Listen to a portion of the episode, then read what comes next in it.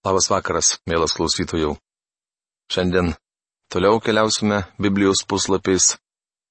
Primenu, kad esame Naujajame testamente, nagrinėjame Efeziečiams laišką. Šiandien užbaigsime penktojo skyriaus apžvalgą ir, žinoma, pradėsim šeštąjį. Prieš pradėdamas rašto studijas norėčiau pasimelsti. Dangiškasis tėve, mes dėkojame tau, kad turime nuostabią galimybę viešpate žvelgti į tavo išminties žodžius, kurie apreikšti mums užrašyti šventajame žodyje, Biblijoje. Dėkojame tau, tėve, kad šį vakarą, grįžę po savo darbų, galime atidėti į šalį visus savo rūpešius ir darbus ir suklusti, sustoti savo gyvenime, įsiklausyti į tai, ką tu esi mums paruošęs. Prašom, kad tu prabiltum savo rašto žodžiais. Ne vien tik tai mūsų protus viešpatė ar mūsų ausis, bet pasismelktum iki širdies gelmės, parodydamas mums tokius, kokius tu mus matai. Dėkojame tau, kad tavo žodis yra kaip kalavijas, kuris prasiskverbia iki sielos ir dvasios atšakos, iki sanarių ir kaulų smegenų ir teisė širdies sumanimus ir mintis.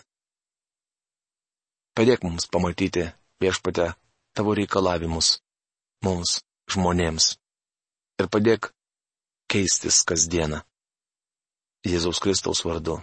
Amen. Taigi aš jums priminsiu penktos skyriaus temą. Tai bažnyčia bus nuotaka, bažnyčios sužadėtuvės, bažnyčiaus patirtis, tai jau mūsų išnagrinėtos temos ir Šiandien baigsime nagrinėti praėjusioje laidoje pradėtą bažnyčiaus viltis potėme. Dabar perskaitysiu mūsų jau išnagrinėtas šios temos eilutes. Jūs vyrai mylėkite žmonas, kaip ir Kristus mylėjo bažnyčią ir atidavė už ją save, kad ją pašventintų, nuplaudamas valančių vandeniu per žodį, kad padarytų savo garbingą bažnyčią neturinčią jokios dėmės, nei raukšlės, nei nieko tokio, bet šventa ir nesutepta. Efeziečiams 5 skyriaus 25-27 eilutės. Ir praėjusioje laidoje pradėtos nagrinėti, bet nebaigtos eilutės. Taip ir vyrai privalo mylėti savo žmonas tartum savosius kūnus. Kas myli žmoną, myli save patį. Juk niekas niekada nėra nekentęs savo kūno, bet jį maitina ir globoja kaip ir Kristus bažnyčia, kadangi esame jo kūno nariai. Todėl žmogus paliks tėvą bei motiną ir glausis prie savo žmonos ir du taps vienu kūnu. Tai didis liepinys. Aš tai sakau apie Kristų ir bažnyčią. Efeziečiams laiško 5 skyrius 28-32 eilutės. Pratesdamas praėjusios laidos aiškinimą, norėčiau pateikti Jums dvi istorinės iliustracijas apie nuostabius vyro ir moters santykius. Šiandien mažai apie tai kalbama. Tariama nauja moralė ir sekso laisvė pavergia daugelį jaunų žmonių. Tai veda į aklavietę. Dievas nori, kad tarp tikinčių žmonių šie santykiai būtų daug aukštesnio lygio. Pirmoji iliustracija - tai Abelardo ir Eloizos istorija. Rašydamas knygą Didžiosios moterys, Džonas Lordas paminėjo Eloizą kaip santuokinės meilės pavyzdį. Tai istorija apie jauną dvasininką vardu Abelardas. Šis aštraus proto mokytojas ir pamokslininkas darbavosi įstaigoje, kuri vėliau pranoko Paryžiaus universitetą kanauninkas turėjo dukterėčią, kurią pavedė mokyti Abelardui. Ji buvo puikiai mergina, o jis šaunus vyras. Patys suprantat, kaip įvykiai klostėsi toliau. Jie beprotiškai vienas kitą įsimylėjo. Tačiau anomis dienomis kunigo vedybos užtraukdavo jam ilgalaikę gėdą. Šių dviejų žmonių istoriją Džonas Lordas pradėjo įžangą, kurią norėčiau jums perskaityti. Sakyčiau, šiandien jį skamba per daug gražiai. Tai tarsi rasos prisodrintas vėjelis, atskriejas nuo gėlėtos kalno atšlaitės. Štai ką rašo Džonas Lordas. Kai Adomas ir Jėva buvo išvaryti iš rojaus, jie visgi rado vieną nepaprasto grožio gėlelę, kurios žiedas lydėjo šią porą visose jų klajonėse. Ta gėlelė tai subtilus, paslaptingas, nepaaiškinamas tikrumas, be kurio niekas negali būti laimingas. Didelė malonė, kurią pripažįsta poetai ir moralės sargai, pagonys ir krikščionis. Taip, jį siejama ne tik su laime, bet su pačia žmogaus egzistencija ir kilniausiais jo siekiais. Nors ji lydi laikinuosius bei mirtinguosius, net silpnuosius ir nedoruosius, pati išlieka nemirtinga, o jos siekiai didingi. Tai kartu yra aistra, ir meilė, ir įkvėpimas. Bandyti apibūdinti moterį be šio sudėtinės prigimties elemento, suteikiančio jai ypatingo žavesio. Tas pats, kas bandyti suvaidinti Hamleto tragediją be paties Hamleto, nutapyti paveikslą be pagrindinio objekto, parašyti novelę be pagrindinės veikėjos. Tema, kurią pasirinkau, nėra paprasta. Iškreipta aistra ar meilė smugdo, o tyra aukština. Visgi tai nėra įda, bet vertybė. Nesilpnybė, bet stiprybė. Ne laikina, nemaru, bet amžina ir nemirtinga. Visa tai kilnina sielą. Abelardas ir Eloiza įsimylėjo vienas kitą, tačiau bažnyčia neleido jiems susituokti. Juos slapta sutokė Abelardo draugas. Abelardas mokytojavo toliau, tačiau tarnas juos išdavė ir Eloiza buvo uždaryta į moterų vienuolyną. Abelardas buvo be nedrasiausias viduramžių mąstytojas. XII amžiaus pradžioje jis ėmė mokyti ir pamokslauti, kad žmogaus autoritetas yra Dievo žodis, o ne bažnyčia. Šio didžio žmogaus mokymas persisunkė kandumu ir sarkazmu dėl to, kad jam buvo neleista padaryti to, ko jis taip troško. Gulėdamas mirties patale, Abelardas mirė gerokai anksčiau už Eloizą, mat buvo už ją 20 metų vyresnis. Jis paprašė leidimo pasimatyti su Eloiza. Bažnyčia pasielgė žiauriai, neleido jai ateiti. Tada Belardas parašė žmonai laišką. Per savo gyvenimą nesuskaitęs nieko patetiškesnio. Savo laišką Belardas baigė jaudinančią maldą. Kai norėjai ir kaip norėjai viešpatie, sujungiai mus, bet vėliau išskyriai. Dabar maloningai užbaig tai, ką taip maloningai pradėjai. Išskyręs mus šioje žemėje, amžiams sujung mus danguje. Aš tikiu, kad šiandien jie yra kartu danguje. Džono Veslio meilės istorija Amerikoje, Džordžijos valstijoje žinoma geriau nei Anglijoje. Kai Džonas Veslis, būdamas jaunas misionierius, atvyko į Džordžiją, karalius jau buvo atsiuntęs čia perą. Manau, dvariškai paprasčiausiai norėjo atsikratyti šiuo nuobodžiu, nykiu ir nevyrišku žmogumi. Tačiau pagal baisų anų laikų paprotį, kelmingiai turėjo teisę vesti geriausias ir gražiausias merginas. Tačias netikėlis buvo vedęs nepaprasto grožio moterį. Ji buvo stipri asmenybė, be to nuostabi krikščionė. Tuomet į jų koloniją atvyko jaunas ir karštas misionierius. Tikriausiai numanote, kaip viskas toliau klostėsi. Jie pamilo vienas kitą. Taip, tai Džono Veslio meilės istorija. Veslis maldavo šią moterį pabėgti su juo ir apsigyventi pas indėnus. Tačiau jis sakė, ne, Džonai, Dievas pašaukė tave grįžti į Angliją ir tenai jam tarnauti. ne kas kitas, o ši moteris pasiuntė Veslį į Angliją. Ta vakarą, kai jis turėjo išplaukti į Angliją, Pero žmona atėjo jo išlydėti. Taip jie stovėjo pakrantėje apsikabinę, tačiau net aršiausi Veslio kritikai pripažįsta, kad nieko neleistino tarp jų neįvyko. Jis vis dar maldavo ją vykti su juo pas indėnus ir ten įsikurti. Veslio biografas sako, kad jis du kartus buvo nusileidęs trapu, bet toji moteris nusintė jį atgal į Angliją vadovauti metodistų bažnyčiai. Veslis sugrįžo į Angliją, susikrimtęs ir kupinas sielvarto, tačiau moteris, kurią jis taip mylėjo, tapo jam įkvėpimu. Dievas suteikia tokią meilę šventosios dvasios pripildytiems tikintiesiems. Norėčiau patarti nūdienos jaunimui. Nepriimkite nieko antrarūšio, o tik geriausia - tai, ką jums gali pasiūlyti Dievas. Taigi kiekvienas jūsų te myli savo žmoną kaip save patį. O žmona te gerbė vyrą. Efeziečiams laiško 5 skyriaus 33 eilutė. Dalelytė taigi supurto mus ir nuleidžia ant žemės. Tai praktinė santokos dalis.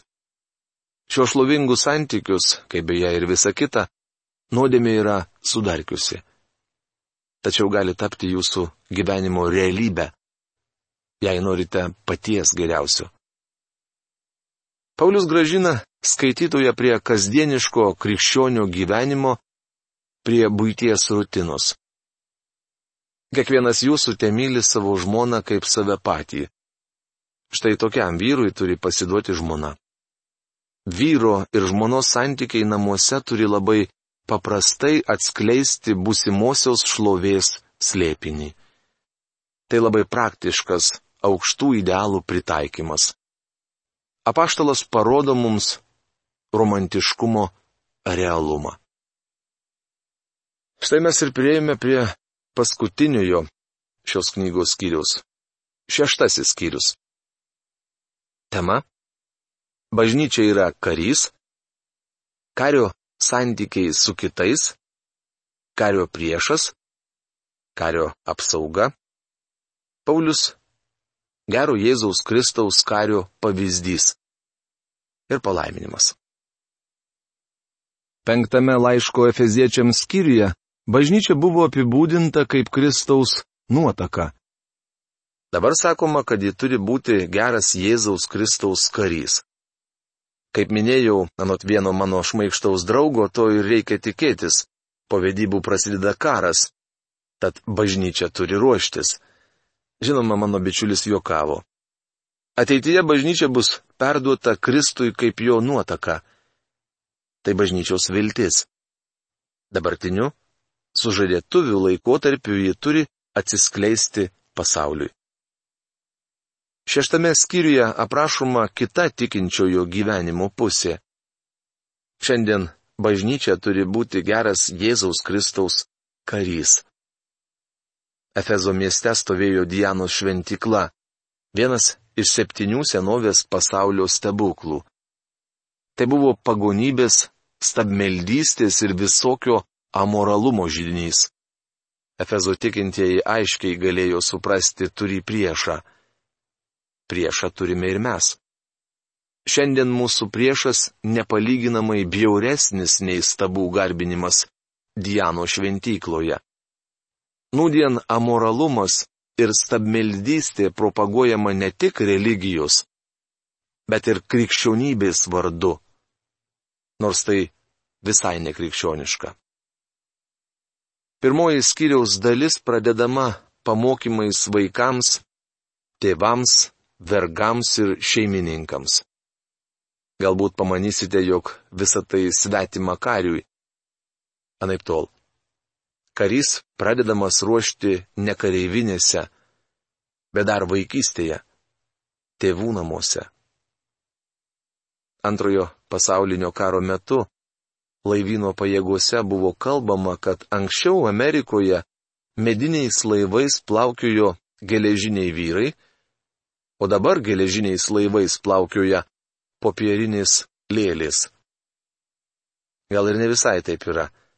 Tačiau jūreivių ruošimo centras informuoja, kad didelis procentas visų Amerikos jaunuolių, pareiškusių norą tarnauti karo laivynę, pasirodo esą tokiai tarnybai netinkami dėl nusikalstamos veiklos praeitie, sveikatos sutrikimų ar psichologinių problemų. Be to, didelė dalis užverbuotų atkrinta parengiamojo proceso metu. Jaunimas nemoka paprasčiausių dalykų, kurių turėjo išmokti dar namuose. Septyniolikmetis vaikinas turėtų būti pasiruošęs atlikti parengiamąją programą. Karo laivyno vadovai gali laisvai užvilgti vaikinų uniformą. Tačiau jiems labai sunku rasti vyrukų, kurie atitiktų keliamus reikalavimus. Panaši situacija ir misionieriško darbo srityje.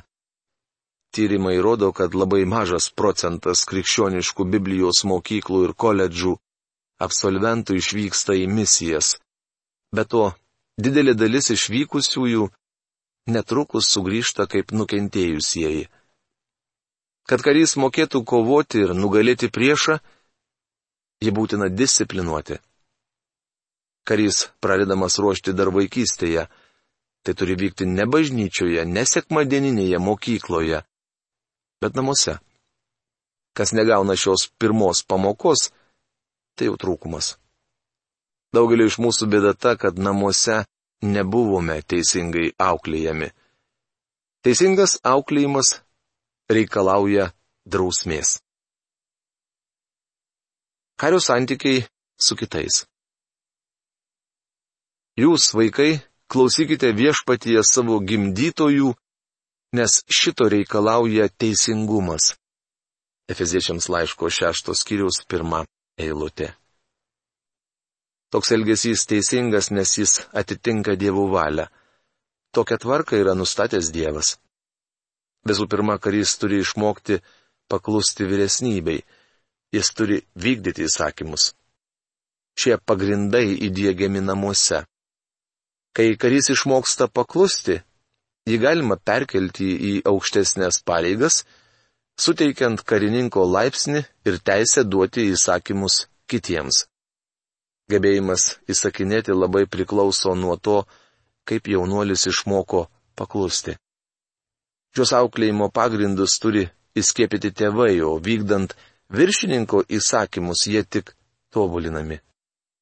Krikščioniško gyvenimo pergalis laimimos namuose ir darbe. Prisimenate, kad apie viešpati Jėzų pasakyta, jog būdamas mažas jis grįžo į Nazaretą ir buvo klusnus Juozapui ir Marijai.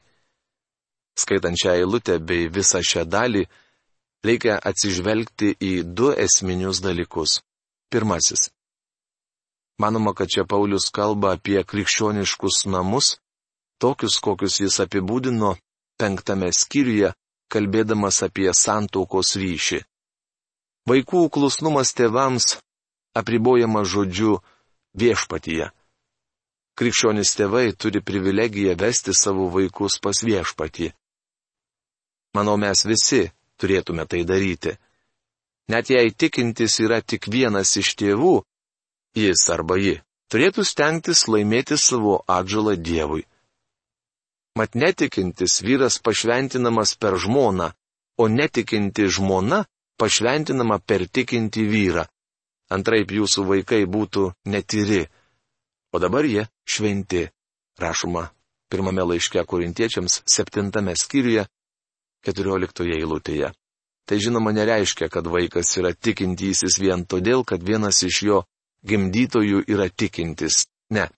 Čia norima pasakyti, kad tikintis vyras arba tikinti žmona turi teisę vesti vaiką pas Dievą.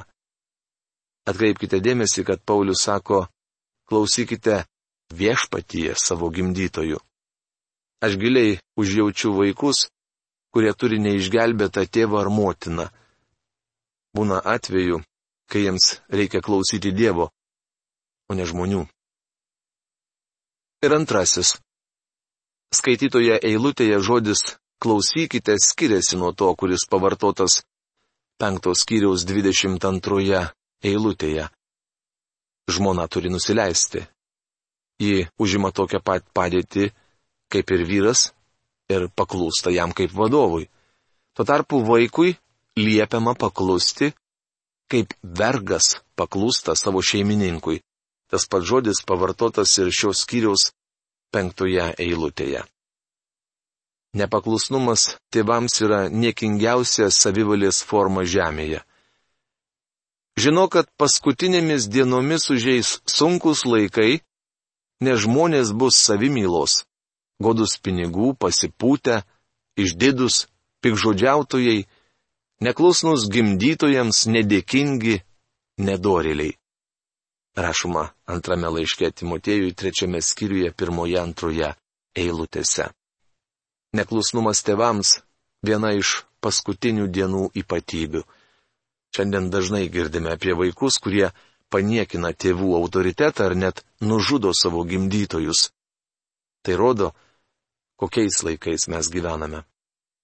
Žinoma, vaiko gyvenime ateina laikas, kai jis ima maištauti prieš savo tėvus, nes jam metas įsikraustyti, susituokti ir sukurti savo šeimą.